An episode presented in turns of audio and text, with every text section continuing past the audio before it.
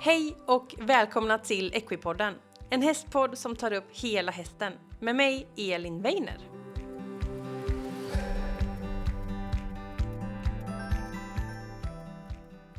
Hej alla fantastiska Equipodden-lyssnare och välkomna till ett nytt avsnitt av podden.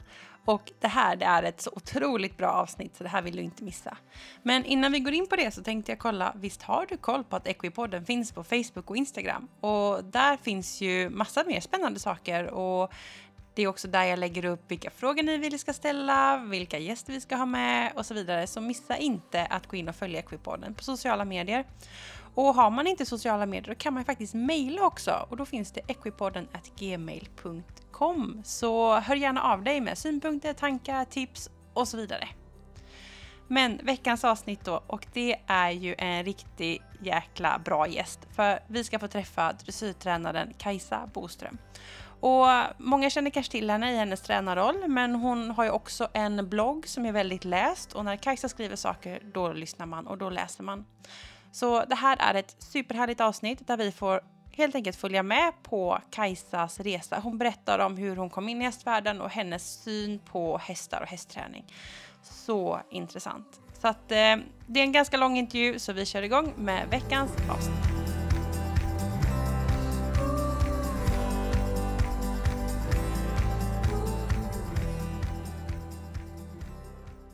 Sådär, då vill jag hälsa välkommen Kajsa Boström till podden. Hej Kajsa! Hej och tack så mycket för att jag fick komma. Hur mår du? Jag är, jag är lite hes i halsen för jag har en trött röst efter mycket jobb nu på vårkanten. Mm. Och så är jag pollenallergisk. Mm. Um, och det gör röst, rösten lite skrovlig. Annars mår jag väldigt bra ja. för närvarande. Ja, det är bra att säga det så att lyssnarna vet vad som händer om man behöver hosta lite eller sådär. Ja, eller det kraxar. ja, precis. Och vi är hemma hos dig i Fjärås, ja. Eh, söder om Kungsbacka, söder om Göteborg ja. kan man väl säga.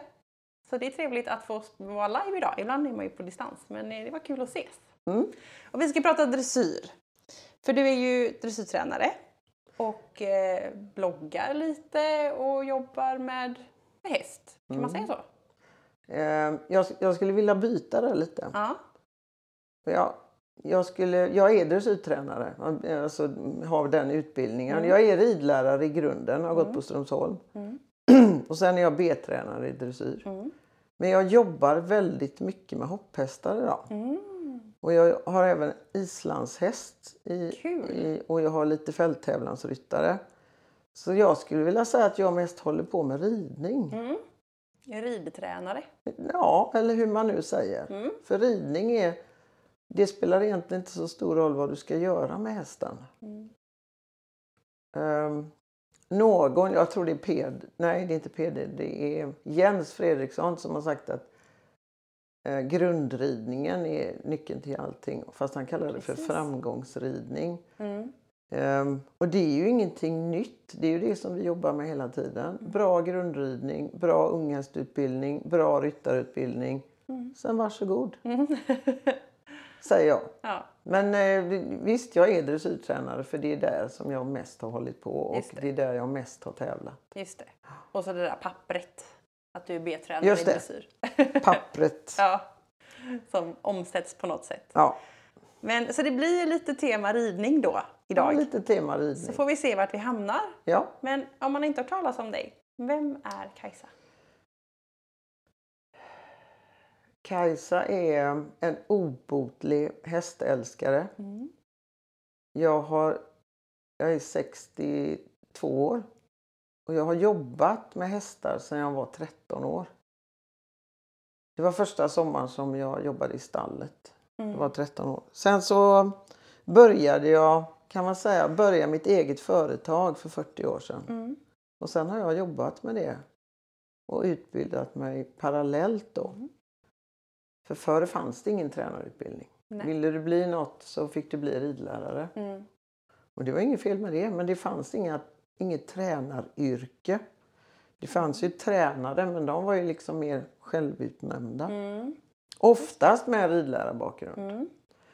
Ehm, och då, jag är upp, född och uppväxt i Göteborg utan en häst i sikte och sen flyttade vi till Floda i Västergötland Och eh, där bodde vi två år innan jag lyckades leta reda på en ridskola som de öppnade och så fick jag börja rida. Ja.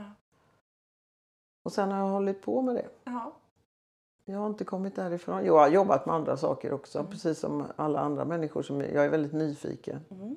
Kul. Så jag har jobbat inom handel, jag har jobbat inom restaurang och jag har jobbat inom ja, lite olika eh, områden. Så jag har lite andra erfarenheter och det, det är en fördel tycker jag. Mm.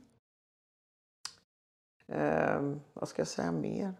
Men har alltid varit man har kommit tillbaka. Jag, jag, har, jag, har, jag har räknat ut att om man bortser från en, en period när jag var sjuk för några år sedan. Då, jag, då red jag inte, var jag inte med hästarna på... Jag var väl sammanlagt ett och ett halvt år. Men innan det så var det en period på sex månader när jag var 17 år. Då bodde jag i Göteborg. Jag hade helt andra grejer för mig. Ja. Som det ska när man är 17 kanske. Ja, jag, flyttade hemifrån väldigt tidigt. Ja. Inte för att jag hade tråkiga hemförhållanden utan för att jag var nyfiken på någonting annat. Mm. De sex månaderna bodde jag då i Göteborg och jobbade. Då red jag inte. Mm.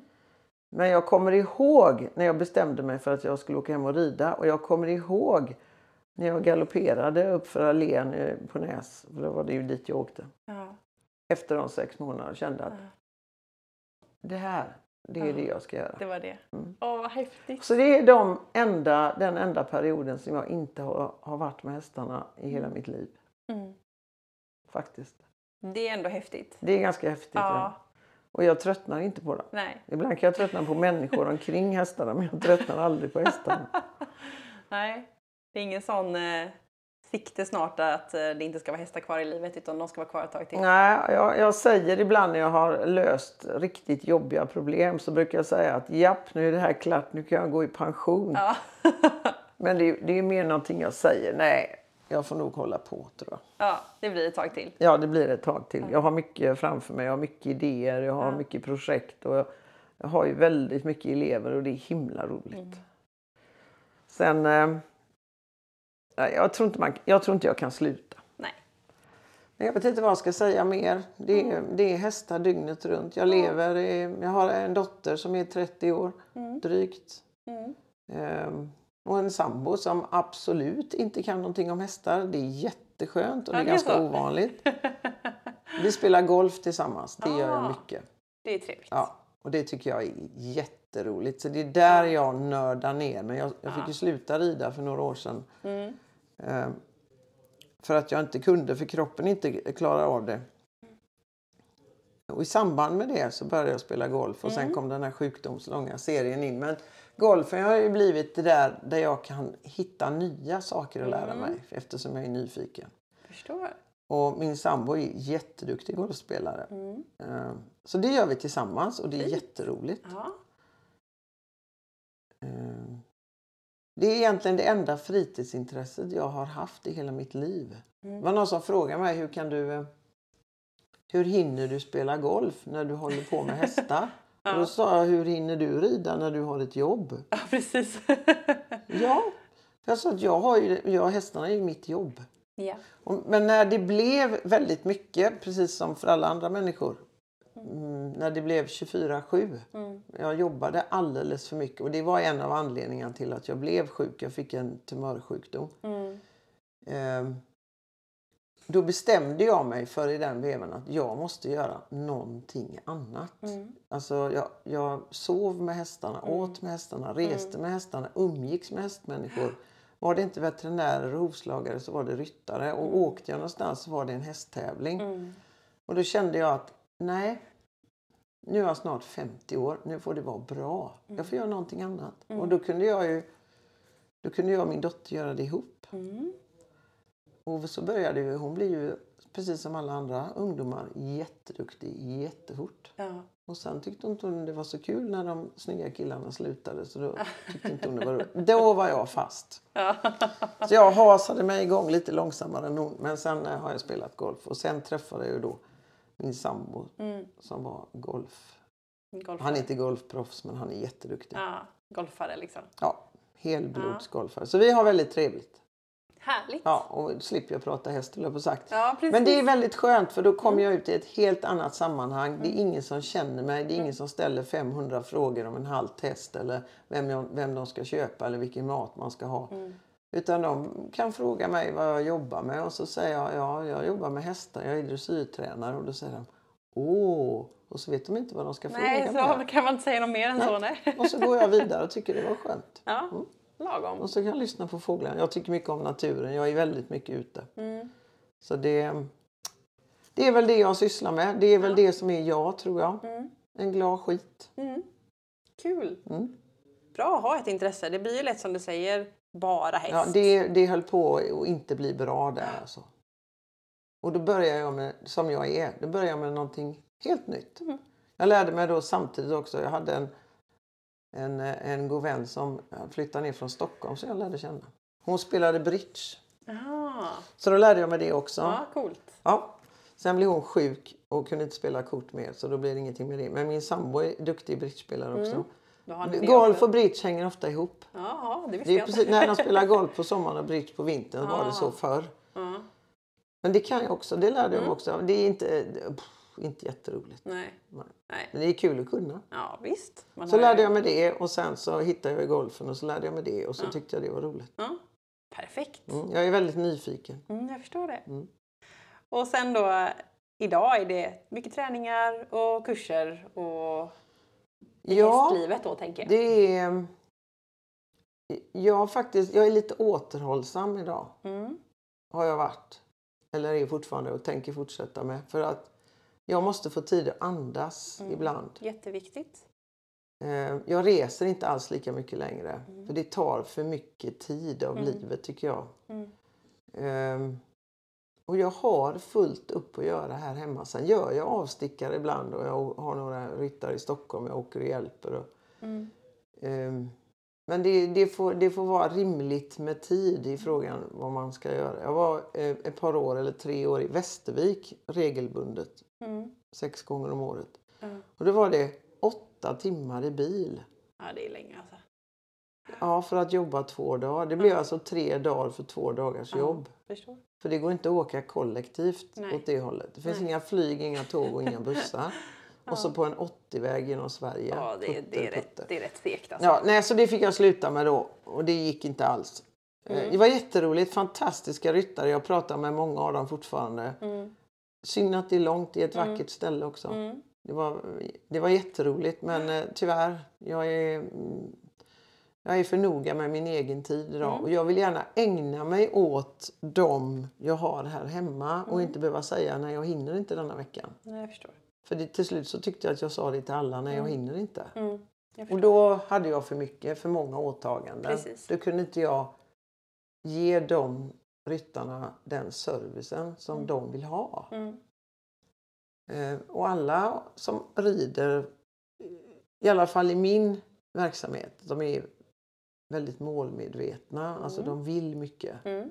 Sen är inte alla som vill bli OS-ryttare, men Mm. de vill mycket med sin ridning. Och väldigt många av dem jobbar ju inom hästbranschen. De är ja, andra tränare eller jag jobbar med ganska många tränare. Mm. Eh, De är hovslagare och de är veterinärer. Och, Mm. ja. och då, då är, har man ofta en lite annan inställning till sin Jajamän. hobby. Det är inte så att man rider när man har tid varannan torsdag. nej, precis. Precis. Och sen är det, tycker jag, kan man också säga i storstadsområden har jag funderat ut. Kostar det ju ganska stor del av den skattade inkomsten att ha en häst. Jajamän. Och den uppoffringen du då får göra oftast, Mm. då blir du lite mer angelägen Mm. om att du kan Precis. göra det bra. Det går liksom inte bara släppa ut den i hagen och låta den gå där hela sommaren under ett äppleträd. Mm. För ni ändå har en hage. Mm. Utan det, det, det, det är faktiskt lite skillnad Mm. på storstadsridning och man kommer lite längre ut Ja, från storstadsområdet. Det är inte så att de är sämre. Absolut inte. Men jag märker en skillnad på inställning hos, ibland hos ryttare. Sen finns det ju eldsjälar överallt. Jajamän. Hur, det, hur de nu... Ja, de är duktiga. Ja, det är väl tur vi Det har dem. regnar på tvären och någon som sitter i sydväst och rider i mörkret. Alltså det är fantastiskt. Ja. det är härligt. Ja, det är härligt. Ja. Och så... Du är ju en väldigt omtyckt tränare och många som känner till dig som tränare. Men du bloggar ju också på Hipson. Ja, och det, det kommer sig faktiskt av att jag fick en fråga för många år sedan av en, en, en annan ryttare jag kände om jag ville... Hon startade ett hästföretag inom tillverkning. Hon skulle göra täckeshängare och värmeskåp och allt vad det var. Coolt. Karlund Equestrian tror jag det hette. Ehm, och då frågade hon en gång när det var Skandinavien-tävlingar om jag ville blogga när jag var där inne. Mm. Och då sa jag att ja, jag vet inte hur man gör det så det vill jag inte. Och detta är många år sedan nu. Men Ja. sen innan det hade jag gjort en, en um, klinik i Borås på Åhaga där Mm. som de hade. Mm. Jag fick frågan om jag ville komma dit och göra en klinik om hästar och ridning. För det var ju också, det var sadelmakare och det var alla möjliga. Så jag vet inte vem det var som hade det, för det kommer jag inte ihåg. För det var 2010 tror jag. Mm. Då var det en journalist där som jobbar på Ipson som hette Ida Rök. Mm. Och då ville hon intervjua mig efter den här kliniken för det var någonting som slog an en sträng hos henne. Hon tyckte detta var Jag tyckte det var jättebra. häftigt. Ja. Så då fick hon, eh, och då var jag, det var väl en period när jag var lite upprörd över sakernas tillstånd. Jag tyckte väl att ridsporten var lite jobbig. Så att, och, och rid, lärarutbildningar. Det var mycket, jag var arg på förbundet och allt möjligt. Så jag hävde ur med det där under en och en halv timme. Hon, hon skrev och skrev och skrev och sen så tyckte hon, åh vad det här var roligt. Ja. Och så var det inte mer med det och så kom det en jättefin artikel om, om den här kliniken. Och, och sen började jag blogga lite själv eh, via någons hemsida vad det var. Och sen var det en blogg då som hette Det gör ont, det gör ont. Det är många år sedan. Mm. Hur hästar byter beteende när de är smärtpåverkade. Ah, ja. Den slog ju igenom och då ringde Hipson mig Ja. eller Ida först och sen frågade de om de fick skriva den artikeln eller låna den. Jag sa att det går jättebra. Och sen dröjde det någon dag så frågade de då, skulle du kunna tänka dig att blogga hos oss? Nej, så jag, det vill jag inte för jag har en egen blogg för det, var, hade jag, det har jag fortfarande. Ja. Eh, ja men ja. Så det slutade med att jag sa att jag behåller den och så kan, kan ni få samma inlägg. Mm. För jag vill bestämma själv. Jag vill inte att någon annan ska bestämma vad jag ska skriva. Mhm.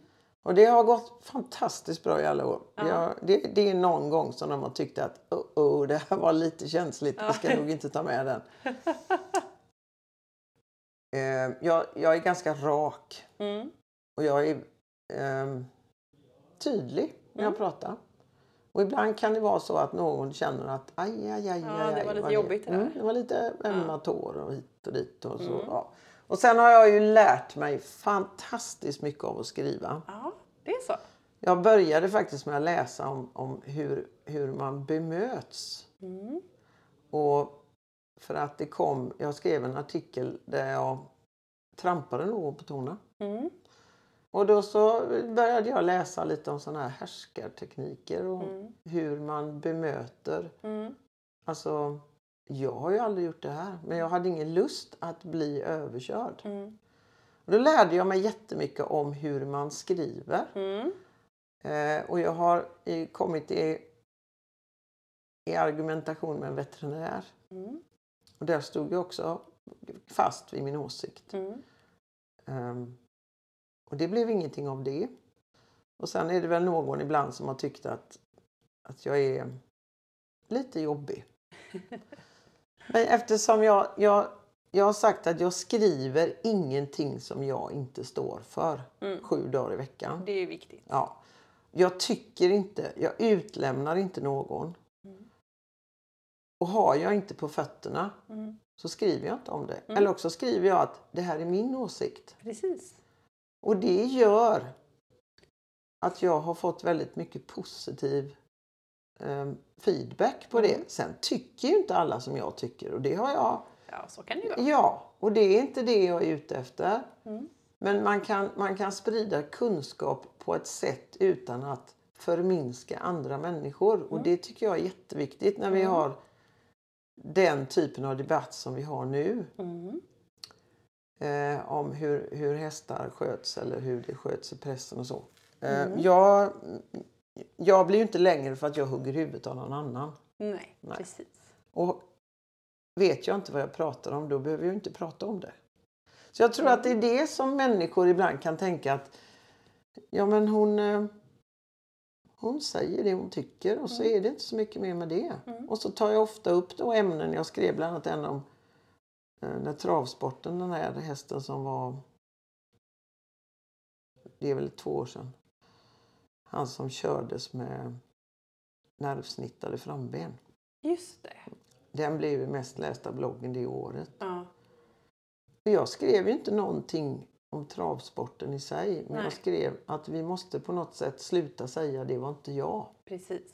Och det har vi hållit på med i ridsport ganska länge. Det var inte jag. Mm. Och det går inte längre. Vi måste bli ärliga. Sporten behöver bli transparent och det gäller hela sporten. Från sportgrenar till uppfödare, till avelsbedömningar, till hästförsäljningar. Mm. Och det är ett jättejobb. Mm. Verkligen. Och det är svårt att vara ärlig när det handlar om ekonomiska resurser. Yes. Ehm. Så jag tror att på något sätt att, att jag har sluppit påhopp. Mm. Ehm, jag har... ehm, Jag slår mig inte för bröstet och säger att jag är jättebra men om man uppfattar en människa som rak och ärlig Mm. då är det enklare att tänka att ja, men jag tycker inte som hon. Men okej, Mm. för jag har inte trampat på någon liksom, för att komma vidare. Exakt. Jag tror att det är jätteviktigt. Det tror jag med. Och eh, det är ju väldigt läst det du skriver. Mm. Och många som hajar till lite när det kommer någonting. Och det är oftast väldigt aktuella ämnen. Så det, Det är för att jag har så lite tid idag. Och jag har varit, och jag har varit lite trött på ridsporten för det har, det har kastats mycket skit. Eh, och då, då blir jag trött och då tänker jag att nej, nu säger jag inget mera. Nu blir jag trött på det här. ja. Att, man hela, att jag hela tiden ska behöva försvara det jag älskar. För jag, jag har en bra hästhantering som jag står för. Mm. Och då vill inte jag hålla på och försvara mig för att någon hoppar på och säger att det ena och säger det andra. Mm. Jag, jag, kan liksom, jag, jag har aldrig någon stängd träning. Jag har, alla är välkomna. Jag jobbar ofta på, på öppna anläggningar. Jag står för det jag gör. Mm. Och då vill inte jag hålla på och försvara mig när någon ska tycka någonting annat. Mm. Så därför har det blivit lite mindre bloggande och jag har haft jag har samma, lika många timmar som alla andra men jag har, det har blivit andra saker Ja. av det. Det är bra. Golf bland annat. Ja, som vi sa. golf. Nu tar jag mig ledigt på sommaren och spelar golf. Ja, det låter jättebra. Ja. Och det här, nu har vi lagt lite grunden om eh, vem du är och lite, kommit in lite på dina tankar Mm. kring ridning och ridsport och hästhantering. Men när man läser och lyssnar lite på det du har sagt innan och sådär så pratar du mycket om att du har en filosofi kopplat till hästen. Och att hästen ehm, inte vet varför den är där. Det tyckte jag var intressant när jag läste. Och att den inte har någon skuld och att den alltid vill oss väl på något sätt. Kan du inte berätta lite om dina tankar? Ja, jag, jag säger så här att hästen har ju inte valt att delta. Nej. Den har aldrig något ansvar för det som händer för att den har inte den nivån i huvudet. Ehm, och den har inte bett att få vara där. Men däremot så upplever jag att hästar, och det tycker någon säkert att jag är enfaldig, att hästar gör alltid så gott de kan utifrån de förutsättningarna som du ger den. Mm. Och upplever du då att det inte blir som du har tänkt så kanske du först ska fundera på vad du gör själv innan det hamnar på hästens konto. För det är ingen idé att sätta det där för där händer ingenting. Mm. För hästen kan inte ta sig en funderare och säga Hörde du Stina, nu ska jag ta och göra en bättre galoppvolt här. alltså då är man ju lite dum om man tror det. Ja, precis. Och det är där jag kan, jag kan hamna ibland, inte i diskussioner, men jag kan lite grann lyssna på, på människor som pratar om hästar ungefär som att de fattar vad de håller på med. Ja. Det, jag tror inte på det. Nej. Ehm, och sen när jag läste dina frågor igår, eller dina funderingar, så tänkte jag så här att jag, någonting som jag eh, hajar till på det är när människor presenteras som Ja, vi kan ta Rolf-Göran som exempel. Det här är Rolf-Görans system. Mm. Ja, Eller det här är Peders system. Eller det här är Kyras system. Mm. Eller vem det nu är som har ett eget system. Mm. Eh, Kyra är en av mina eh, bättre vänner. Mm. Vi pratar mycket med varandra. Hon har, jag har henne och hennes man Richard. Dels som tränare och dels har, har jag Kyra som mentor idag. Mm. Det är henne jag frågar när det kör ihop sig. Mm. Och hon är precis som jag med fötterna på backen och tycker att hästen är ett djur. Ehm, hon har inget system Nej. när hon utbildar. Jag har inte heller något system. Jag utbildar hästar som jag har lärt mig ehm, i, klassisk dressyr kan man säga. Mm. Och jag läser väldigt mycket. Jag, jag har läst väldigt många ridlärare. Mm. Och jag har ju, har ju en favorit då och det är um, Podhajski. Som kommer från spanska ridskolan. Eller Mm. ridskolan i Wien. Eh, och där står egentligen allting som jag håller på med. Fast ja, det är ju som deras sätt med deras små vita hästar att arbeta. Inte riktigt omsättningsbart idag kanske på våra hästar. Men jag har inget system. Mm. Jag, jag gör från början till slut. Och sen, Mm. sen är det det som... Jag brukar säga allting jag säger, slå upp ridhandboken så står det där. Mm. Sen kan vi uttrycka oss med olika ord. Just det. Eh, och jag använder ju väldigt mycket liknelser när jag undervisar. Mm.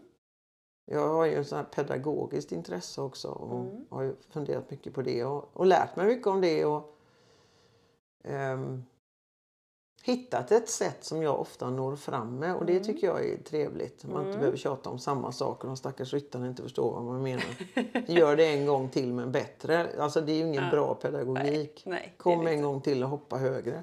Ja. Ehm, så att nej, min filosofi är nog den att vi ska vara evigt tacksamma att hästarna... Ja, nu bränner det till. Jag tycker inte att en häst är intelligent. Nej. Det finns många som säger andra Mm. vägen. Jag tror att vi ska vara glada för det. Mm. För då hade inte vi kunnat rida på dem. För då hade de lagt oss i ett hörn och satt sig ovanpå och sa spring själv.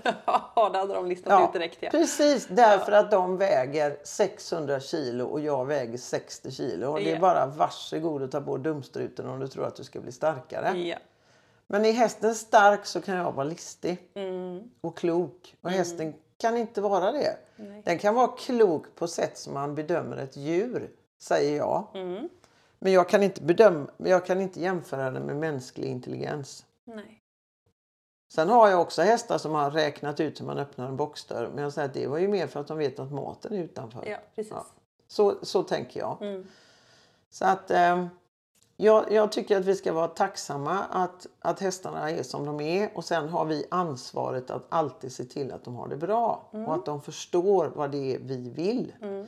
Sen tycker jag också att hästen är, den är ett tamdjur idag. Den ska inte klara sig utan oss. Nej, inte som vi har avlat fram den nu. Nej. Nej, eller som, som vi, de lever idag. Du kan ju inte släppa ut dem på E6. Nej. Det finns ju liksom inte förutsättningar. Alla kan ju inte beta på Öland och Gotland. Nej. Eh, och det, det är en begränsad del av Sverige där hästarna kan överleva. Mm. Och där finns inte plats för dem. Nej. Nej. Så att varsågod och släpp ut dem. Jag menar de överlever inte utan oss Nej. på något bra sätt. Nej. Och då, då har vi ställt dem där precis som vi har gjort med hundar och kor och allt vad det är. Och då får vi fortsätta ta hand om dem Ja. på ett bra sätt. Mm. Det, så tänker jag. Mm. Så jag kan bli lite upprörd ibland. Eh, man hör att det var någon som sa att vi tvingar oss på dem. Och det Mm. tror jag aldrig jag upplevt i modern tid att jag tvingat mig på en häst. Jag jobbar i alla fall, eh, jag ser kanske 40 hästar i veckan. Ja. Jag tvingar mig aldrig på en häst. Nej. Så det håller jag inte med om. Nej. Alls. Mm. Jag kan bli lite sådär, ja, upprörd. Mm. Men jag försöker tänka bra tankar och le lite så brukar det gå över. Ja, eller hur? Mm. Det brukar det gå bra. Nej, men jag tror det är en väldigt bra grundtanke. Och det finns, alltså människan vill ju på något sätt ha ett band med andra. Vi vill ju det i vår natur. Och då vill man på något sätt skapa att hästen har mänskliga egenskaper. Mm. Men rent biologiskt så går ju inte det. De Nej. har inte, det är vår frontallob som gör att vi kan Mm. tänka. De saknar den tyvärr. Ja. Eller kanske tur då. Jag tror att det är tur. Annars hade vi inte haft någon ridsport. Nej. Nej. Då hade, då, hade vi, då hade det varit ett helt annat förhållande. Jajamän. Och det är en evig tur. Ja. Vad skulle vi göra annars? ja, det hade varit tråkigt va? Ja. Nej men det är väldigt intressant och där har vi liksom grunden lite i och då kan man komma in lite på eh, det här med grundridning och god ridning. Hur tänker du när det kommer till grundridning och vad är god ridning för dig? God, alltså bra grundridning för mig det är när man, när man utbildar hästen på ett sånt sätt att vem som helst kan rida hästen i skritt, trav och galopp. Brukar jag säga. Mm. Som jag skulle putta upp min morsa på hästen. Vilket jag inte skulle göra för hon är vansinnigt rädd för hästar. Ja. Hon har varit i ett stall två gånger i hela mitt liv. Eh, Men hon har alltid varit med och tittat på men Ja. det krävde en viss distans. Så kunde göra det. Ja. ja, jag förstår. Eh, Men jag tycker att, och det kan man säga, ja men man kan ju inte ta Allan då och sätta upp vem som helst på den. Nej, Nej. det fattar ju jag också. Ja. Och vem som helst kan ju inte ha en kamphund eller vem som helst kan ju Nej. inte ha en, en sån hund som man ska göra ditten och datten med Mm. eller en, en tjur eller vad det nu är för någonting. Men vanliga hästar Mm. som ska få en, en grundutbildning ska inte vara svårare Mm. än att vem som helst med vettiga ridkunskaper ska kunna rida skritt, trav och galopp på tygen utan problem. Mm. Det tycker jag är en bra grundregel. Ja. För att om, om man inte kan det då tillkommer det sådana här märkliga manualer Ja. som jag har sett faktiskt i verkligheten Ja. när folk har köpt hästar. ja, precis. Och så får de med en manual på 54 sidor hur den här hästen ska ridas. Eller ledas eller matas. Och då så säger jag att tänk om den här människan hade dött innan du hade köpt hästen. Då hade du inte vetat någonting och det säkert gått jättebra. eh, så att jag, jag tycker att det, det ska inte vara så svårt. Och det Mm. är nio gånger av tio inte, sär, eller tio inte särskilt svårt att utbilda en häst. Mm. Sen kan man träffa på hästar som är överkänsliga eller hästar som har ont eller hästar som Mm. har ett starkt, ehm, en stark integritet som Mm. tar lite längre tid att Mm. komma in till. Mm. Men om man bortser från dem så är det ganska enkelt att rida in hästar Mm. om man inte har bråttom. Just det. Och jag kan ju vända mig lite mot idag det här, men det hör jag ihop med allting annat, ska gå så himla fort. Ja. Att det, alla klipp som läggs ut på allt möjligt. Bland annat det här. Nu har vi hållit på med hästen i tre timmar och nu går den att galoppera. Jaha. Från att den inte Ja. hade haft en Ja, sadel ja, på just sig. det. Sådana i typ inridningsvideos som Ja. är på... Ja, just det. det Eller det, titta nu i den riden tre gånger, jag kan rida höger och vänster galopp. Ja. Jätteroligt! Ja. Men hur är den hästen i sitt sinnestillstånd tänker jag då i Precis. förlängningen. Det är ju lite grann som jag klappar in ungarna i skolan och så tar jag ut dem efter tre dagar och tror att de har gått färdigt grundskolan. Alltså det funkar inte så. Nej. Det blir problem Mm. förr eller senare för hästen hinner inte med. Hästen är ganska eh, sensibel men den behöver upprepning för att förstå. Just det. Så det kan jag, det kan jag bli lite sådär matt på ibland. Men jag tycker att det är inte så svårt om man ger sig tid och tar hjälp att utbilda hästen så att den går att rida. Ofta när den är tre år. Mm. Men då har du inte ridit på den två timmar om dagen utan du kanske har ridit på den 20 gånger. Mm. Och då ska den hyggligt klara av att fatta galopp som man kommer på en treårstest. Om den är vettigt tränad. Ja. Eh, Sen när du ska specialisera för att komma in på eh, olika ridsportgrenar då tar det lite längre tid. Och det tar oftast längre tid än vad man tror. Även om vi idag har hästar som går på ren begåvning. Mm. Men det tar precis lika lång tid att bygga upp muskler, starka muskler och senor och allt annat på en häst som på en människa. Mm. Ja. Du blir ju inte världsmästare för att du har sprungit och tränat i skogen i tre dagar. Du måste ju göra Nej. någonting annat också. Ja. Så att eh, det är väl så jag tänker. Det för, det för mig är god ridning och det är att man reflekterar, Mm. funderar lite när det kör ihop sig. Vad är det som händer här? Inte Mm. den här satans envetna dumma hästen. Mm. Du ska minsann. Och jag säger det finns inte en häst som ska minsann. Mm.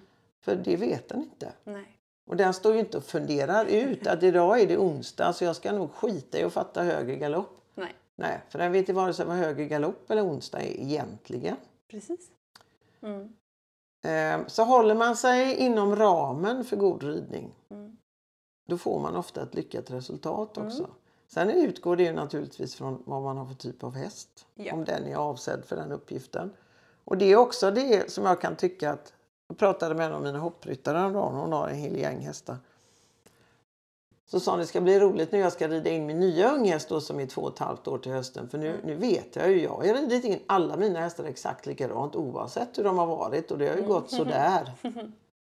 Ja, det är ju lite unikt i sig också. Du får ju utgå från att varje individ är just unik. Just det.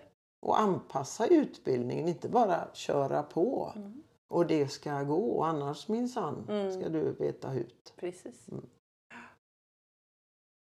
Jag hörde en kommentar häromdagen. En ryttare som blir lite upprörd på sin häst och så säger med ganska hög irriterad röst. Men din dumma jävel, ska du stirra på det här hörnet den här gången också? Och då tänkte jag, undrar vem, undrar vem den sa det till? Ja, just det. Sig själv kanske, för hästen fattar ju inte det. Nej. Nej. Nej. Det är just sånt där som jag kan tänka att eh, Mm. då har man, då har man glömt att tänka efter. Just det. Mm. Men om man tar det här, det, man har ju varit med om att eh, hästen inte vill gå i ena hörnet eller att det, det blir jobbigt. Om man känner att hästen inte riktigt gör som man önskar, vad ska man tänka då? Då ska man tänka, hur ska jag ändra på det jag gör för att det ska bli ett annat utfall? Mm. Det kommer till mig. Just det. Mm. I min värld gör det det. Mm. För att med den erfarenheten jag har så har jag kommit fram till att oftast så beror det på att det är ett handhavarfel. Mm. Sen kan hästen av olika anledningar ha svårt att förstå vad det är du vill. Mm. Då kanske du behöver upprepa men ändå göra på ett litet annat vis för att Mm. bryta den där negativa trenden. Mm. Till exempel att de tittar just i det hörnet. Mm. Om man tittar över, överlag då så är, kanske det är ofta så att alla hästar på den anläggningen tittar i det hörnet. Ja, precis. Det brukar ju vara läskiga hörnet i manegen. Ja, precis. Och det är det är inte så att de står och snackar om det i stallet. Nej. Men då agerar, alltså då tänker jag så här, att Mm. då agerar ju ryttarna för att de vet att hästarna tittar i Ja. det hörnet. Så börjar hästen titta i det hörnet och så är du ganska lugn och så ja, gör du ingenting och så tittar den lite mer och ställer sig på tvären.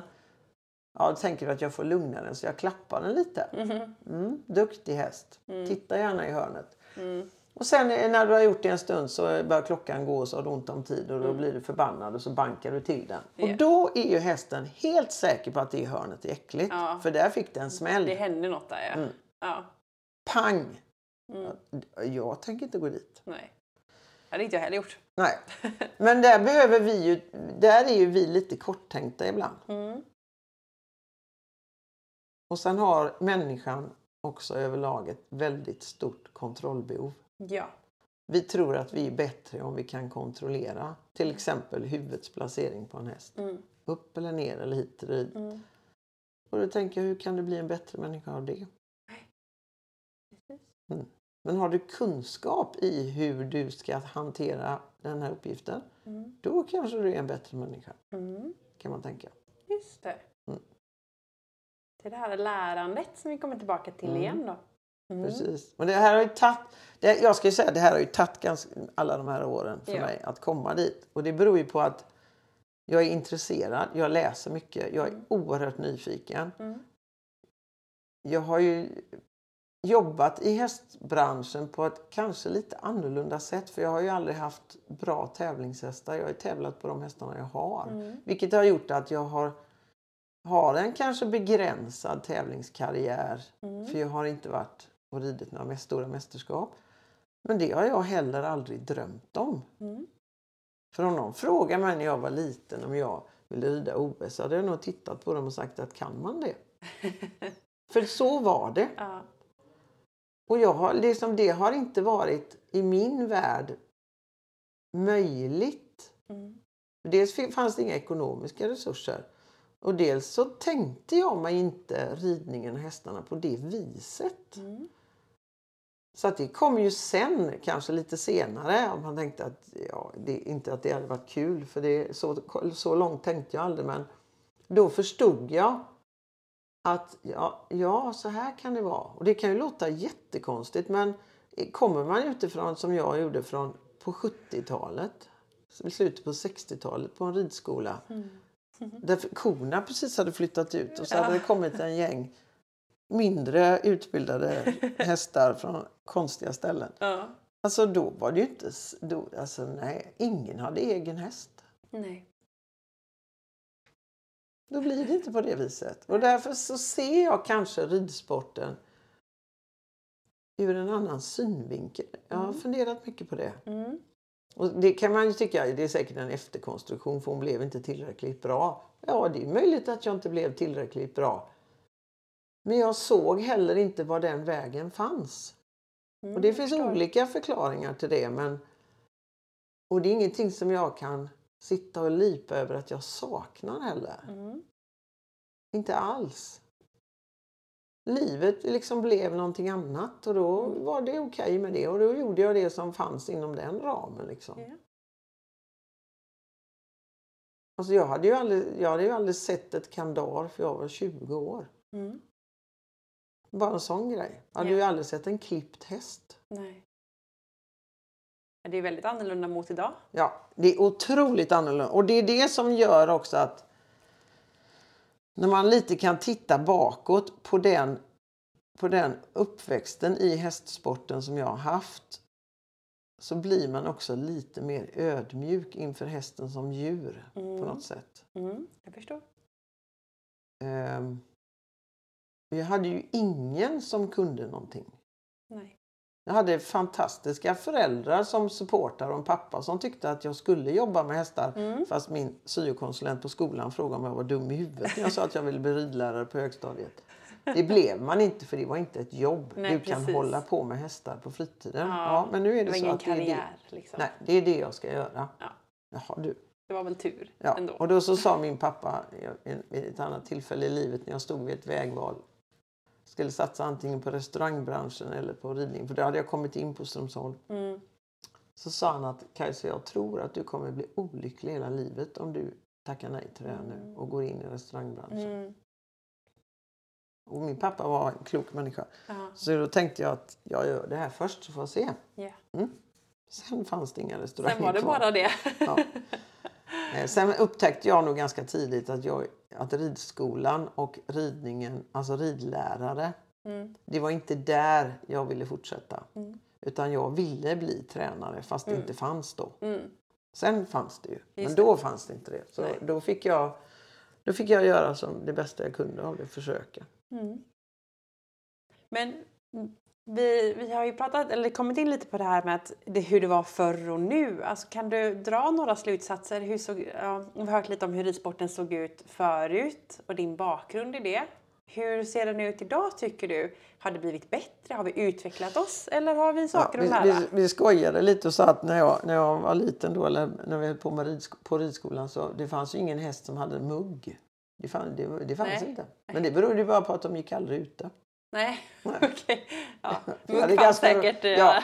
Men våra hästar på ridskolan, ja. de gick aldrig ute. Nej. De stod i stallet. Vi ställde in dem på hösten. Ja men alltså det var ingen som Ja. var särskilt olycklig vad vi förstod. Nej, nej. Och sen stod de där och vi red dem varje dag Ja. utom söndagar för då fick de stå i stallet hela dagen och vila sig. Ja. Eller om det var måndagar, jag kommer inte ihåg det. Men eh, alltså fanns det ingen mugg. Nej. Nej, inte som jag kan komma ihåg i alla fall. Nej. Vi började prata om det här med solexem. Ja. Och det vet jag inte fanns heller. Fast vi, slä, vi släppte ut dem i maj och tog in dem i oktober. Ja. Sen hade vi ju på Näs där jag var, Mm. han, eh, mannen som hade det från början. Eller han hade ju lag, eller han hade jordbruket. Mm. Han hade ju även en form av avel. Så han Mm. hade ju hingstar på station. Så Jaha. vi, det fick vi också se. Ja. Alltså beteckning och Mm. fölning och Mm. föl och Mm. abortvirus, kommer jag ihåg. Usch vad de kastade konstiga föl. Ehm, fast det visste ju inte vi att det var abortvirus. Nej, utan bara att det blev fel. De, ja, Ja. det kom ut konstiga föl som inte var färdiga. Ja. Ehm, ja, det såldes hästar och köptes hästar och det kom eh, busslaster med hästar från andra länder i Europa på östsidan och så skulle de ridas in och gud vet vad det var för hästar.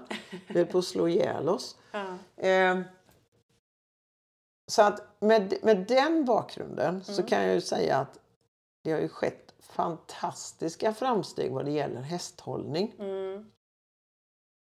Ehm, fast det fortfarande är lite trögt kan jag tycka på vissa enkla saker. Mm. Ehm, så tycker jag att det går väldigt mycket framåt. Mm. Och det är också en sak som gör att jag är tacksam för att jag har den erfarenheten jag har i bagaget. Ehm, Jag jobbade ju som hästskötare ett år hos en hoppryttare. Ute i skogen i mörkret och vi hade inget ridhus. Han hade fem hästar eller något jag skulle rida varje dag i regnet. Ja. Det finns ju inte idag. Nej, inte Nej. på det sättet. Nej, och de hästarna gick aldrig ut heller. De tävlades hela vintern och så släppte vi ut dem på bete på sommaren när vi hade kört in höet. Ja. Och de, och de, och jag, jag tänker så här, hästar förr var inte halta. Det är klart att de var halta. Men det var ingenting man såg eller tänkte på. Skavsår fick de ibland för utrustningen var undermålig. Men, Ja. och jag är inte född när pyramiderna byggdes. Det skulle man kunna tro. Men det är liksom lite utanför den, om man säger mm, hästsporten som har funnits. Jag menar det fanns Göteborgs ridhus i Göteborg har funnits sedan evigheters evigheter. eh, Fast det låg på ett annat ställe. Men det visste ju inte jag vad det var. Nej. Och där kunde de ju rida både hit och dit och på tvären. Men det kunde inte vi. Nej. Men däremot ramlade jag aldrig av. Nej. Nej. Och ibland fick man en sadel och då fick man vara glad för det. ehm, och sen hade vi ju väldigt små ekonomiska resurser så att jag fick min lektion en gång i veckan. Mm. Ehm, mot vissa. Jag fick hjälpa till hemma. Mm. Och sen fick man ju jobba då om man ville rida mer. Mm. Och då var det ju roligt att jobba i stallet. Det Mm. var ju det, liksom det man ville och vi var ett jättestort härligt gäng. Här, kul. Ja, där, där det råkade bli så att vi var yngst. Det var jag och några av mina klasskamrater. Och ingen av dem, utom en, som håller på fortfarande. Hon är... Vad tror ni? är- Hon, gick, hon, gick, hon blev agronom. Hon jobbar på... Med, med, hon heter Anna-Lena Holgersson och jobbar på SLU i Uppsala. Mm. Hon gick en annan väg och Mm. kom in i hästeriet på det sättet. Men jag tror att vi är de enda som fortfarande håller på. Mm. Hon började jobba som hästskötare hos Anna och Lotta Emanuelssons Mm. pappa när de var små. Mm. Eh, Men i den bakgrunden, hur, tyck, ja, hur ridsporten har utvecklats ja, till alltså det idag? är fantastiskt. Jag, jag, jag minns ju när jag började tävla. Mm. Eh, jag var 13 år. Jag red en steeplechase. Det var det första jag gjorde. Full fart på galna ponny över stock och sten. Sen red vi mycket terränghoppning Ja. eh, och fick lära oss att rida i olika tempon. Fantastiskt bra, det gör man inte idag Ja. På det sättet. Men vi hade, ja, red i hoppning, det var ju det. Mm. Eh, Sen när jag jobbade som hoppryttare, då, det var det året som allsvenskan startade. Mm. Och då skulle de ha en junior i laget. Mm. Och det hade vi ingen i Lerumsortens ryttarförening just det året. Mer än jag. Mer än det. Och jag hade inte tävlat stor häst alls nästan. Nej, Och fick en häst och skulle in och rida då 1,20 och 1,30. det är ju högt också. Men det var ju bara håll i manen och rid. Ja. Ehm, sen hur det gick, det kommer jag inte ihåg. Nej. Men det var ju, det är ju, alltså, då har jag, jag har ju sett den delen av ridsporten också. Och Mm. där, sen kan inte jag bedöma hur den ser ut internationellt. Men det har, kan ju väldigt få göra som inte är med i den eh, cirkusen. Ja. Men om man säger för, för gemene man här i, i, i vårt land Mm. så har det utvecklats jättemycket. Och vi är duktiga i Sverige ändå på hästhållning Mm. om man åker till andra länder. Mm. Irland till exempel, där har jag varit en del och tittat. Det finns, där binder de hästen ibland i rondellen för det växer gräs. eh, alltså, mm, det finns mycket. Och söderut i Europa så, så är det inte så kul heller Nej. för hästarna. Nej. Så att jag, jag tycker att det går mycket framåt. Jag är tacksam för det. Det finns mycket mer man skulle kunna önska. Men jag tycker också att det får hålla sig inom rimliga proportioner när man ställer sig upp och höjer sin röst för det ena eller det andra. Mm. För förändringar, det tar tid. Precis. Ehm, och om vi ska jobba för hästarnas välfärd eller den här sociala licensen att kunna hålla på med det här Mm. Så handlar det väl kanske inte så mycket om att slå ihjäl olika yrkesgrupper inom hästsporten eller klanka ner på dem utan kanske se till saker där, där hästarna verkligen har det jobbigt. Mm. Ehm, hästhandlarbranschen till exempel. Mm. Vi, vi importerar ju väldigt mycket hästar Mm. som vi inte har en aning om Nej. någonting. De Det är väl med någonting där man kan titta lite på då. Mm. Hur det går till. Eh, utan att man behöver dra allt över en kam. Det var som jag sa förut, jag blir inte bättre för att jag slår huvudet av dig. Mm. Precis. Utan man får ha lite sans och balans när man Mm. gör sina uttalanden. Ja. Ehm, och det spelar ingen roll vad det är man diskuterar, om det är hästens utrustning eller ska vi flyga dem runt i världen för att hoppa in x antal miljoner Mm. eller, eller eh, hur ska vi nu göra? Alltså vi står ju inför någonting som eh, det kanske blir för dyrt för oss att hålla hästar på det viset vi har gjort. Det vet vi inte. Mm. Då kanske vi är tillbaka där vi var för 50 år sedan. Mm. Att då får man rida på en ridskola för det är där hästarna finns och då gäller det ju att måna om dem och den Ja. delen. Precis. Vi vet inte vad som händer. Nej. Så att eh, jag tycker att och jag är inte blind för det som inte är bra. Nej. Det är viktigt. Ja, det är jag inte. Jag ser det mesta. Mm. Men jag behöver inte prata om allting för det blir inte bättre av det. Utan Mm. jag stretar på. Försöker Mm. på mitt sätt. Och det har visat sig ganska framgångsrikt. Alltså man skapar en bra miljö och då Mm. blir det lite som ringar på vattnet. Mm. Och det är det sättet vi kan nå ut. Vi kan inte, vi kan inte eh, missionera och frälsa alla i hela världen till det vi tycker. Mm. Men det som är bra får sprida sig. Och vi är ganska många som jobbar på det sättet. Mm. Utan att, att vi blir individer. Alltså vi är ju individer men jag tycker det. Jag försvarar inte någonting som där hästen far illa. Det gör jag inte. Men eh, jag tycker att det har blivit bättre. Mm. Ett långt svar på en kort fråga. Ja. Det är jag bra. tänker under tiden. Ja, det är bra. Mm. Nej, men det är intressant att höra på ditt resonemang. Och det ju- har ju kommit mycket forskning, bara en sån sak. eh, Att man får reda på saker vi inte visste förut. Mm. Också Eller, eller också får vi reda på saker som vi kanske visste. Ja, utan att ha tänkt på det. Ja, eller att nu vet man att det är så. Ja. Förut trodde vi att det var så. Just det. Mm. Eh, för om man tittar så länge så tillbaka som vi faktiskt har hållit på med den här sporten. Alltså hästen i mänsklighetens är väl 4000 år eller något. Ja, precis. För det var inte så länge som vi trodde har de ju hittat. Men ehm, så länge vi har hållit på med sporten i modern tappning. Vi kan ta bort den militära tiden kanske för där Mm. var det ju lite mer smalare. Ja. Ehm, det blir, det, det, det går framåt och det blir bättre och vi, ja, Mm. Vi ska vara rädda om det vi har. Ja. Ja, nej, Mm. jag, det, jag nöjer med det. ja, det är bra. Mm. Jag tänkte vi skulle hoppa tillbaka lite till hästens arbete. Mm. Eh, för vi har pratat om massa intressanta saker här. Men vi sa lite förut att, eh, att hästen ska kunna gå att arbeta i en bra form i skritt, trav och galopp. Och typ de flesta ska klara av det. Att kunna rida den där, ja. Jajamän. Så skulle jag vilja att alla ridskolehästar gick Mm. också, om de nu inte går där redan. Mm.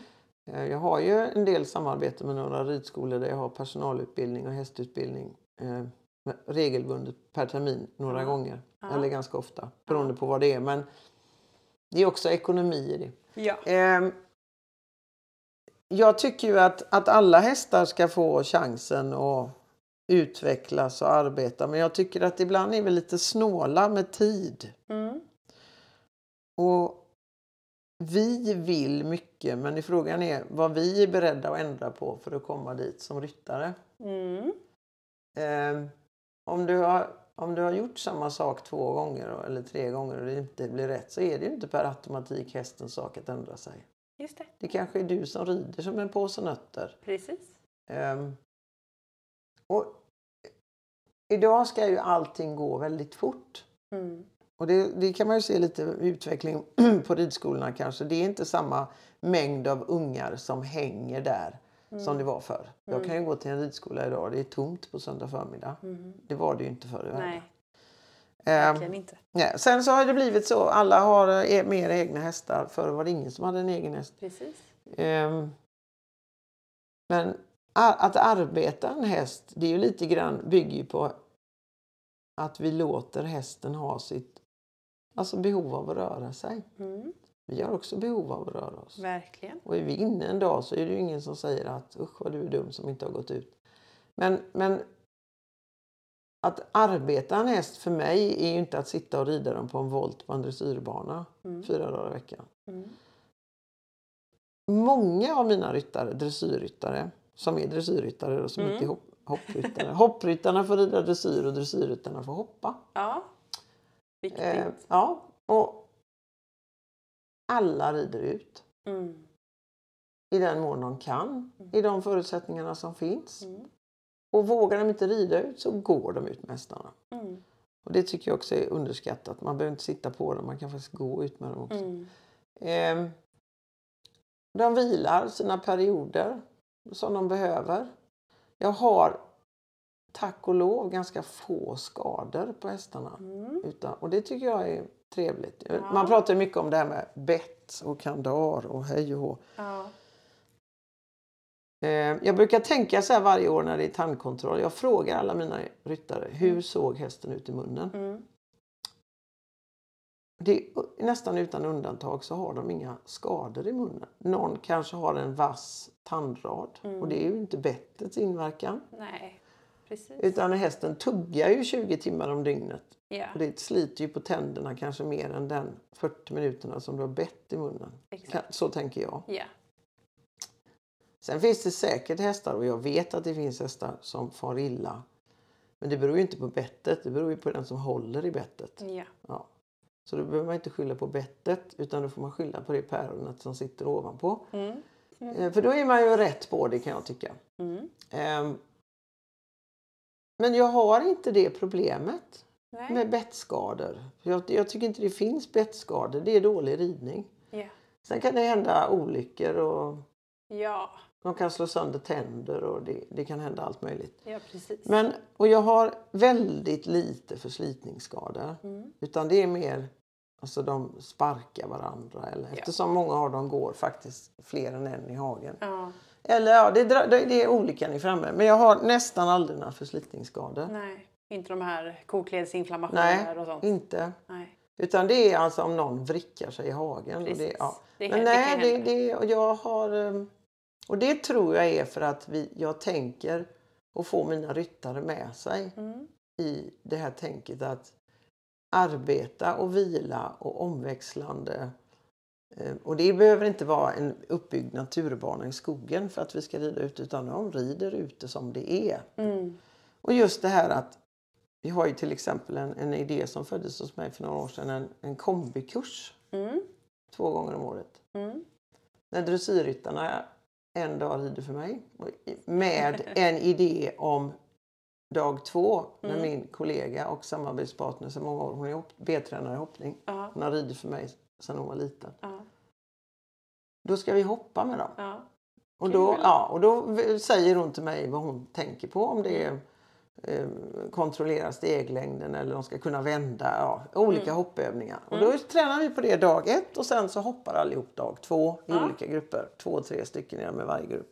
Kul. Och det, vi har jätteroligt. Ja. Och, och, och de flesta av dem tränar ju lite hoppning ibland. Men vi, hade, vi har framförallt en häst som... Alltså han, han var en riktig dressyrhäst. Han kom i full karrian och kastade sig över hinder när hon hängde efter. Men han har lärt sig. Han blivit kvick i fötterna, fin i balansen och han hoppar väl över hindren. Nu ska, inte, nu ska ingen tro att de hoppar 1,40 för det gör de inte. Nej. Mm. Alltså det är låga hinder och enkla övningar. Men alla klarar av det och alla har jätteroligt. Mm. Och sen samlas vi ju då, alla tittar på alla i två dagar. Perfekt. Och fikar och har jätteroligt. Ja. Och det var i alla fall, vad jag vet, var det ingen som hade hittat på det innan. Nej. Men det beror ju också på att jag har en tjej som är duktig på hopp, duktig hopptränare tycker Precis. jag. Hon rider för mig. Jag vet att, Mm. och jag är med när de hoppar. Mm. Så jag ser vad Precis. som händer. Och är någon rädd så behöver de inte hoppa. Ibland kan vi Nej. hyra in en annan pilot för det är några som gör också. Precis. Alla behöver inte vara modiga. Nej. Jag skulle inte hoppa idag till exempel. Jag har ju hoppat ganska mycket. Mm. Men eh, nej. Och det, det, det är någonting som jag är noga med. Mm. Inte att de ska bli bra på hoppning men att de ska låta hästarna göra andra saker. Mm. Variationen är Ja. viktigt. Sen kan man ju prata om att de ska gå på olika underlag men alltså det handlar också mycket om hur du rider på olika underlag. Det är ingen vidare om du rider som en pallevant i full fart oavsett vilket underlag du rider på. Mm. Så det handlar igen då om det här med god ridning och kunskap. Just Vi, det. det tar tid att lära sig rida. Det tar tid att lära sig förstå en häst fungerar. Ja. Och det tar mycket längre tid det än att just lära sig det själva ridningen. Mm. Du behöver lägga mycket tid i stallet. Du behöver lägga mycket tid att titta på hästar Mm. när de håller på Mm. och förstå vad det är som händer. Mm. För att kunna ta med sig då. Ja, för att kunna förstå varför det blir som det blir. Så man begriper då varför Brunte inte gör som han ska. Mm. Kan man tycka. Just det. Mm. Det är kanske inte alls fel på Brunte. Nej. Det kanske är fel eh, någon annanstans. Det är precis. Och förstå varför gör hästen på det sättet Mm. och hur gjorde jag? Ja, eller hur de, Hur hur de överhuvudtaget uppträder om de blir rädda för något eller om de alltså, ska ta sig an en uppgift. Du måste veta hur den rör sig. Alltså, Mm. Kan du fotflyttningen i alla gångarterna? Vet du hur ett 400 meters tempo i galopp ser ut? Mm. Vet du varför hästen gör si och så i ryggningen? Nej, det vet de inte. Mm. Eh, så att eh, kunskap Mm. behöver vi mer av hela tiden.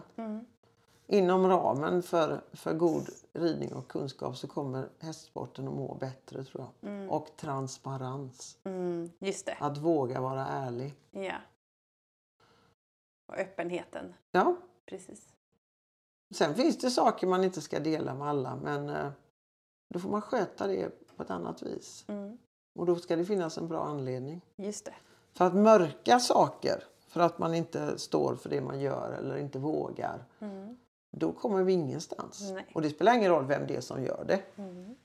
Precis. Alla måste ta samma ansvar. Och det är inte så att eliten är värre än, än gemene man. För det, det kan man ju tycka, man hör ofta att eh, elitryttarna de gör si och de gör så. Men jag, jag vet ju många som... Titta alla hästar som blir omhändertagna för att de inte har fått mat. Det är Ja. inte hos eliten. Nej. Det är hos någon som inte begriper någonting kanske. Och där står det åtta hästar utan mat. Det är väl det värsta av allting. Mm. Ja. Så det går inte ut se en särskild grupp inom, de här, inom eh, hästvärlden. Mm. Det finns säkert någon som är värre än någon annan men vi har alla samma ansvar. Precis. Det tror jag är viktigt att ta med. Ja, Att liksom tänka så. Och att det jag gör, att jag kan göra skillnad utifrån mina förutsättningar, Mm. vad jag gör. för någon tittar på dig och då Ja. kanske de gör likadant. Bra! Mm. Och så tar de med sig det. Precis. Och så sprider man en, en, en god kultur. Mm. Så, så får man, jag tror att det är det, det sättet. Det går inte att stå på barrikaden och skrika liksom utan Mm. alla tar sitt ansvar. Mm. Sen behöver man inte alltid höras och synas utan man jobbar på. Mm. Precis. Det tror jag. Ja. Jätteintressant. Mm. Har vi pratat på en eh, bra stund. Ja, jösses. Som vanligt går Mm. tiden. Eh, jag tänkte vi skulle ta en fråga till för det kom Mm. lite lyssnarfrågor och då var det en som skickade in en fråga hur man ska tänka för att utveckla hästen, alltså arbeta med det man har. Och det vet jag, det nämnde du lite också förut att du har jobbat mycket med det. Hur Mm. ska man tänka när det kommer till det? Jag, måste, jag brukar säga att det finns väldigt få saker som är omöjliga. Mm. Men det är också inom ramen för att vad är det jag vill? Vill jag rida olympiaden i Paris om ett år? Mm. Kanske jag inte ska ha den här hästen.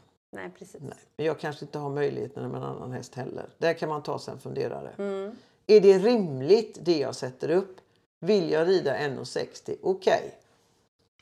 Har du de förutsättningarna själv? Är du den personen? Har du den tiden? Har du den ekonomin? Om du kan svara ja på alla de frågorna. Då kan man börja fundera på vad hästen i så fall ska göra. För den är den som inte egentligen har med saken att göra. Eh, sen har jag varit i den situationen att jag har fått rida på de hästar jag har. Mm. Och jag, jag har inte ägt så många hästar i mitt liv men jag tror jag har ridit eh, alltså så många hästar så jag inte ens kommer ihåg dem. Ehm, men jag har ägt några hästar och det var min första häst som jag tävlade i uppe i Sankt Georg Intermediär. Mm. Och då var jag inte så gammal. Då var, hade jag precis flyttat hit till Kungsbacka till ett dressyrstall. Mm. Ehm, och då fick jag köpa den hästen ja, för att det behövdes kontanter hos säljaren. Mm. Och hästen var inte frisk. Och det visste jag. Mm. Alltså den var inte riktigt kurant. Ja. Men jag visste däremot inte vad, vad den åkomman var som den hade, vad det betydde. För det fattar jag inte. Jag förstår. Men ja. i alla fall så red jag på den och det gick ganska bra Ja. eh, ett tag. Sen så gick inte det längre. Nej. Och sen red jag på alla möjliga konstiga hästar och sen fick jag en häst av en, en elev till mig som hon var trött på den för den var jobbig. Mm. Och den lyckades jag kravla mig upp i intermediär med också. Och sen så sa min tränare som jag hade här uppe i, på västkusten att du måste ha en bättre häst. Mm. Ja, men nu är det så att jag kan inte köpa en bättre häst för jag har inga pengar. Precis. Ja, men det är väl ingen idé du håller på. Nej. Bra pedagogik. Ja, eller hur? Och då Allt kände jag så här att nu har du två val Kajsa. Antingen lägger du av nu. Ja. Och då var jag väl kanske 30 år. Mm. Och red intermediär. Och jag hade haft några hästar på den nivån. Mm. Och det var ingen dressyrhäst. En liten, liten korv med korta framben. Ja. Och kort hals och 1,63. Ingen gång särskilt. Men det gick ganska bra. Ja, det gick Ja. uppenbarligen. Och så tänkte jag att nu antingen, och det, jag försökte med några tränare här och alla sa väl egentligen samma sak. Skaffa dig en bättre häst. Mm. Och då tänkte jag, vad hjälper det mig? Jag kan ju inte det jag ska göra nu för då står man där och det är piaff och passage och det är svåra saker. Ja. Och jag visste inte hur det var. Mm. Och då eh, av en slump så fick jag, jag hade ju tjatat med min, min före detta man Mm. som ju, jag var gift med då. Han, han var också hästmänniska. Mm. Så han hade gått på Strömsholm ihop med Kyra Mm. när han gick sin ridlärarutbildning. Han var ju äldre än jag. Så jag hade tjatat på honom några år för jag hade sett henne på, när hon gick som elev på Strömsholm så Mm. var jag där uppe på en, en tur och såg henne tävla och tänkte gud vad hon rider bra, vem är Ja. det? Och det var från, hon var finsk. Jag tänkte vad gör hon? Men då fattade jag sen efteråt att hon var ju där och gick kurs, långa kursen och allt det där. Ja. Och jag tjatade ju på honom att kan du känner ju henne, kan inte du fråga? För det är inte så att man ringer upp någon som Mm. Nej, man tänker hur? att ja, ja. ringer Gud fader och säger hallå. Ungefär så tänkte jag. Eh, och det var ju då när hon precis kom till Sverige. Mm. 90 tror jag. Mm. Nej, det hände ju ingenting. Han, han var inte så intresserad av det. Men så av en slump så var jag och tränade hos en tjej för att hon hade ett långt ridhus. Hon bor här i Halland också. Mm. Mitt ridhus var bara 18 gånger 36. Det är svårt att Oj. göra svårklasshästar på det. Ja, det var... då hyrde jag in mig hos goda vänner här. Ja. Och då så tränade hon fick hyra. Hon hade jättefina hästar och red Grand Prix. Mm. Och det gjorde inte jag. Och då så sa hon att du kan ju hänga med ner och titta, sa hon en gång. Ah. Och då tänkte jag, bra! Ja. Och sen hade jag en annan elev som red internationell fälttävlan då på den tiden. Och hon hade tränat för Richard dressyr på sin fälttävlanshäst Ja. i Skåne. För hon var väl där för tillfället med Ja. alla sina hästar. Och då stod det en artikel i Gamla Ridsport om det. Mm. Och jag tänkte, wow, han måste ju vara bra. Och då så säger den här tjejen till mig att du kan ju hänga med ner och så kan jag kan ju höra om du kan få rida för Richard. Mm. För, för då förstod jag att Kyra, det var ju en stängd dörr. Ja. Och det kunde jag köpa. Ja. Jag var ju inte tillräckligt bra. Ja. Jo då, han hade ju tid. Han hade inte så mycket att göra. Så Nej. jag kunde hänga med ner. Ja. Och när vi var på väg ner så tänkte jag, han undervisar på engelska. Hjälp! Ja, men i alla fall, vi kom ner och han eh, undervisade på engelska. Och jag Mm. var så fruktansvärt nervös så Ja. jag glömde andas. Och red där nere i tre dagar och fick ju lära mig att jag kunde ingenting. Nej. Jag var ganska duktig. Jag red intermediär med min häst Ja. och sen så säger han till mig när han tittat en stund när jag red lutad mot väggen så säger han Kajsa på engelska. Mm. Vad håller du på med? Och jag stannar och tittar på honom och så säger han Det ser ut som du sitter i en hammock och gungar. Ja. Okej. Okej. Och sen förklarar han för mig vad jag behövde göra ja. för att hamna där. Så sa jag att men jag har ju bara den här hästen. Ja den är väl bra nog sa han. För du Wow. behöver lära dig rida. Ja. Och det var där någonstans jag Ja. började fundera på. För då var jag så inlemmad i det här systemet Ja. som var överallt i Ja. Sverige där jag var. Precis. Att det handlade om att hästen skulle. För Ja. jag var ju bra. Och jag fick alltid åtta på sitsen. Då är man ju jättebra om man får det. Jajamän. Mm. finns ju ingenting som fattas då. Och alla sa du sitter så snyggt och du rider så bra. Men jag hade ju ridit sedan jag var nio år på allting som fanns. Mm.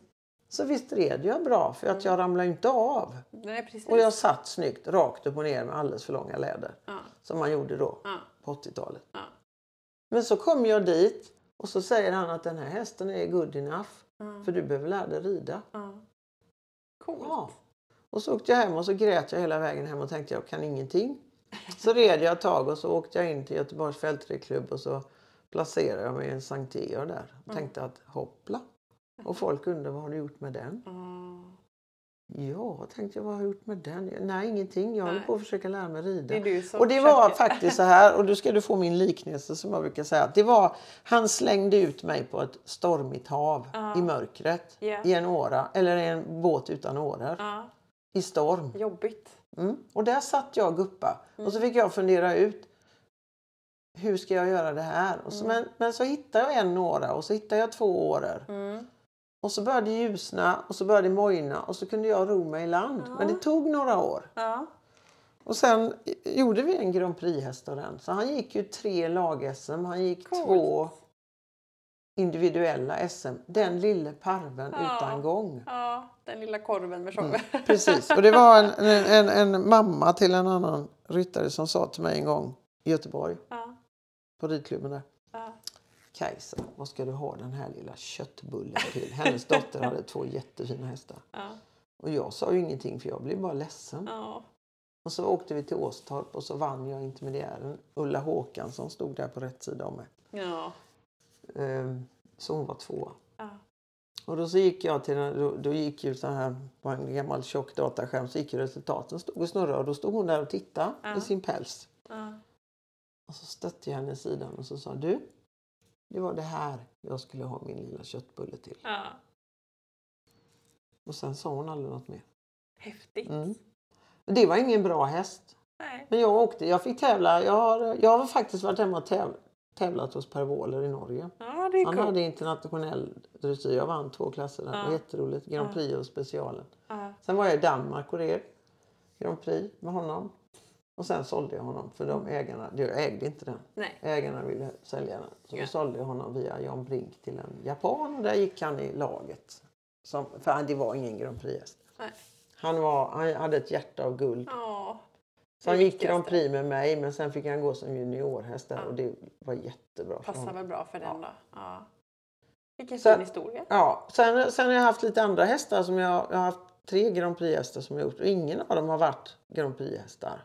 Och ingen av dem är eh, konkurrensmässiga mästerskapshästar. Men jag har lärt mig fantastiskt Mm. mycket på dem.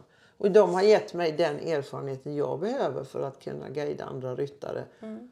Och har gett mig, som med, med Richards hjälp då, lärt mig hur man utbildar hästar. Mm. Men framförallt vilken vikt du måste lägga på att utbilda den som sitter på. Mm. För annars hjälper det inte om den har världens bästa häst om den inte kan rida. Precis. Och just när han sa det att, att han var inte ens intresserad av hästen. Ja, ja. Det är good enough. Ja, precis. Det var ju Lär du som var det viktiga. Ja. Mm. Det Ta ditt ansvar. Ja. Och då väcktes den här tanken hos mig. Mm. Att det kanske är så här vi Mm. behöver tänka. Och där var vi inte Nej. 1990 i Sverige. Nej. Knappt idag heller. Nej, inte överallt i alla fall. Nej. Och jag tror, nu Patrik Kittel säger väl att alla kan rida Grand Prix. Eller om alla hästar kan gå Grand Prix. Nej, han säger alla kan rida Grand Prix. Och jag brukar säga att alla hästar kan gå rörelserna som ingår i Grand Prix. Precis. Men de kanske inte går att tävla. För att de får inte att hänga ihop. Eller gångarterna räcker inte till. Men en fullt frisk häst klarar i alla fall det mesta upp till Medelsvår B Sankt Georg. Om du vill lära dig rida. Precis. Sen är det ett hopp och då krävs det ofta mycket tid, mycket pengar och mycket satsning. Och har du familj och, och har ridning som hobby och du har en begränsad inkomst så är det svårt att ta sig dit. Men Ja. du kanske kan få känna på elementen på din lilla Brunte hemma. Ja. Och då är det bra. Det är och så kan du tävla på en nivå där du känner dig säker, där du hinner träna, Mm. där hästen liksom är tillgänglig. Fantastiskt. Och den idén har jag med mig. Mm. Och, och jag slutas, slutar fortfarande inte att överraskas Mm. av hur hästar ändrar på sig. Mm. Det ser jag varenda dag. Mm. I takt med att ryttarna utvecklas. Mm. Så att jag sa senast häromdagen till, till en tjej som sa ah, men det går inte. Så sa "När ska du sluta säga det går inte? Du vet ju att det går om du ställer rimliga krav. Det handlar bara hur ska jag göra för att det ska fungera? Ställ den frågan istället. Mm. Eh, sen blir du inte världsmästare och du kanske inte ens blir distriktsmästare men du kan ha väldigt roligt när Ja, du kan. För precis. kunskap är roligt. Ja. Då, då, är, då är det är tillfredsställande Mm. På vilken nivå du än är. Precis. Så så jag. tänker jag Ja. om grundutbildning Ja. och fortsatt utbildning. Och sen finns det en annan eh, sida av saken och- man säger att det ska inte gå fort. Men å andra sidan så har vi människor en tendens att fastna i saker. Ja. Så man kan säga att hästen orkar inte, den, orkar inte galoppera. Den är inte stark nog. Just det. Den kan galoppera när den är en dag i en ganska bra galopp. ja. Men sen ställer vi till det för vi sätter oss på ryggen och sen kanske vi inte inverkar så där himla bra. Mm. Då tar vi ifrån hästen den förmågan. Men hästen orkar galoppera härifrån till Alingsås om det behövs. Ja. Men det är vi som inte kan förvalta det. Mm. Och det är väldigt lätt då att sätta över det där. Ja. Den lyssnar inte på hjälpen eller den vad den nu inte gör. Precis. Tar inte skänken eller det går inte. Eller Mm. en, en fyra åtta felare. Vi tycker jag är en märklig beskrivning på en häst. Eh, Eller den kan bara byta åt ena hållet. Eller, alltså, Mm. Men ta reda på vad det är som gör det då. Är den frisk för det första? Ja, precis. Jag frågar alltid den frågan först. Är Ja. hästen frisk? Vet vi det eller tror vi det? Just det. För det är också en skillnad. Ja. Om man har faktiskt kollat upp eller om man tror. Ja. Eller om man har frågat grannen som brukar massera hästar på torsdagar någonstans. Ja. Alltså, åk till en klinik och gör en bedömning på hästen. Är den frisk? Ja, och så handlar vi därifrån. Bra. Och sen får man lösa de ridtekniska problemen. Mm. Och sen är det frågan om vad kan du? Mm. Och den frågan kan vara jobbig att ställa sig ibland. Ja. Kan det vara jag? ja, precis. För vi är, vi är jätteduktiga på att säga det var inte jag. Nej, ska jag ta ansvar för det här? Mm. Eller vem ska ta ansvar för det? ja. Men det är alltid, ja precis, underlaget eller vädret eller sadeln. Det är alltid ryttaren som har ansvaret. Yes. Du kan inte lägga det i händerna på någon annan. Nej. Även om du tränar för någon sju dagar i veckan så är det du, du Mm. som rider som har ansvaret. Yes. Eh, jag tror jag har svarat på frågan. Ja. Bla, Jätteintressant. bla, bla. Ja, Intressant. Väldigt kul att höra dina resonemang och nu har vi pratat på superlänge. Mm. Eh, vi ska avsluta. Mm. Eh, jag tänker bara, en, vi försöker hålla det kort nu då. Mm. Men vi pratar ju om kunskap och lärande. Har du Mm. några tips på vart man kan lära sig mer? Är det någon speciell bok som du tycker vi kan rekommendera? Eller titta på någon? Eller hur kan vi lära oss mer? Ja, jag, jag, är, jag är ingen vän av att man tittar på Youtube hur man ska lära sig rida. Mm. Eh, man kan titta på roliga saker, man kan få idéer, och man kan, men sen ska det ju förverkligas. Ja. Eh, sen kan man läsa. Mm. Och det finns eh, Ridsportsförbundets handbok i ridning 1 och Precis. 2. Ridläraren Ja, Arjen. ridläraren vad heter. Den, Arjen. den ligger där uppe i alla varianter. Det är ridlärare nästan alltihop. Ja. Ehm, den är jättebra och den är lättläst och den är tillgänglig. Ja. Sen behöver man inte läsa eh, alltså, i ytterkanterna. Det finns ju alltid specialister. Hundra knep hur man använder en gramman eller Ja. hundra knep hur man får en istadig häst att hoppa. Det behöver man inte heller läsa. Utan läs det där grundläggande. Sen, har, sen finns det ju om man vill nörda ner sig och det har jag elever som får läsa Podhajskis ridlära från 1950. Men då får man läsa den ehm, på det sättet den är skriven och förstå i vilken miljö den är skriven. Sätta den i sitt sammanhang. Sen så, sen så brukar jag säga att jag har ju förutom Kyra som är min mentor och Richard och han som har lärt mig det mesta jag kan. Så är jag ju en stor fan av Karl Hester. Mm. Jag tycker han är, och jag har frågat människor som känner honom, är han sån här i verkligheten? Ja, precis. Är det på riktigt? Ja, är det på riktigt? Eftersom jag tror på väldigt lite. Och- Men han är sån. Ja, häftigt. Ja. Ehm, och sen har jag ju sett honom alla gånger han har varit i Sverige. Och jag åkte också i oktober över och såg en klinik i Skottland som han hade på skotska SLU. Mm. Och det var en upplevelse Ja. som jag aldrig glömmer. Coolt. Men det var, han läser också på Daiski. Ja. Det var precis samma sak. Rid ut i hörnet. Ja. Ställ hästen åt rätt håll. Dra den inte i munnen. Ja. Bär inte omkring den i tygen. Nej. Se till så att den mår bra. Att du kan rida med små hjälper. Håll reda på dig själv. Mm. Och försök att göra rätt. Mm. Det var inte så svårt. Nej. Och så var han ju även när han har varit i Sverige och haft sina clinics.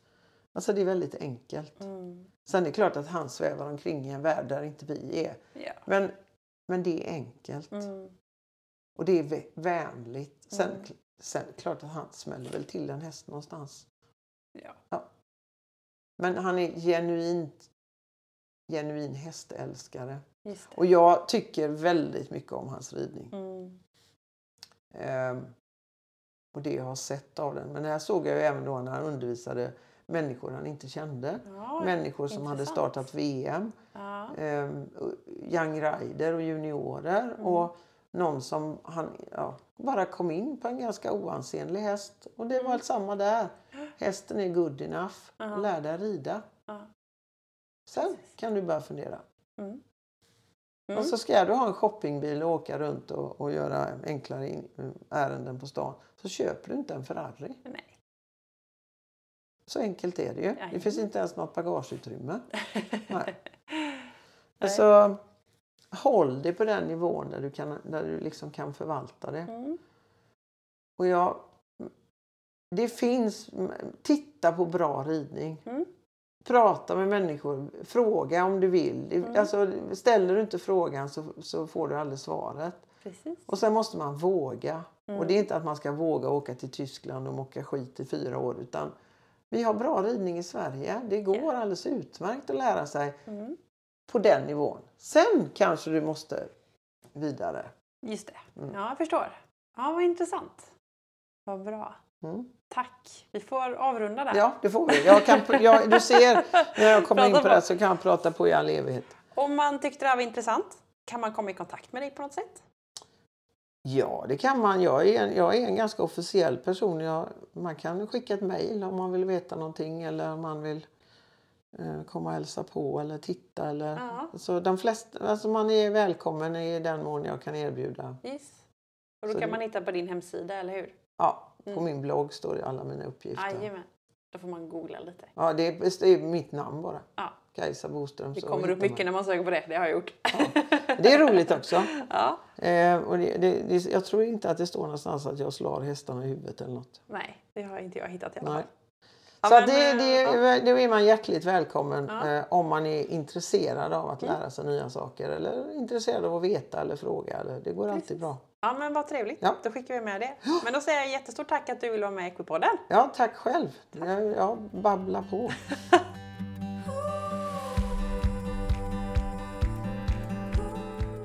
Oj, oj, oj, alltså vilket avsnitt. Eh, Dels ett ganska långt avsnitt, vilket också är kul, men så himla intressant. Och jag gillar att verkligen få dyka in i en person och verkligen få höra liksom hela historien bakom och vad det har lett till och vart man står idag. Jag tycker det är så fascinerande. Men eh, ja, Equipodden är slut för den här veckan och jag önskar dig en jättehärlig vecka i det härliga vår-sommarvädret så hörs vi snart igen. Hej då!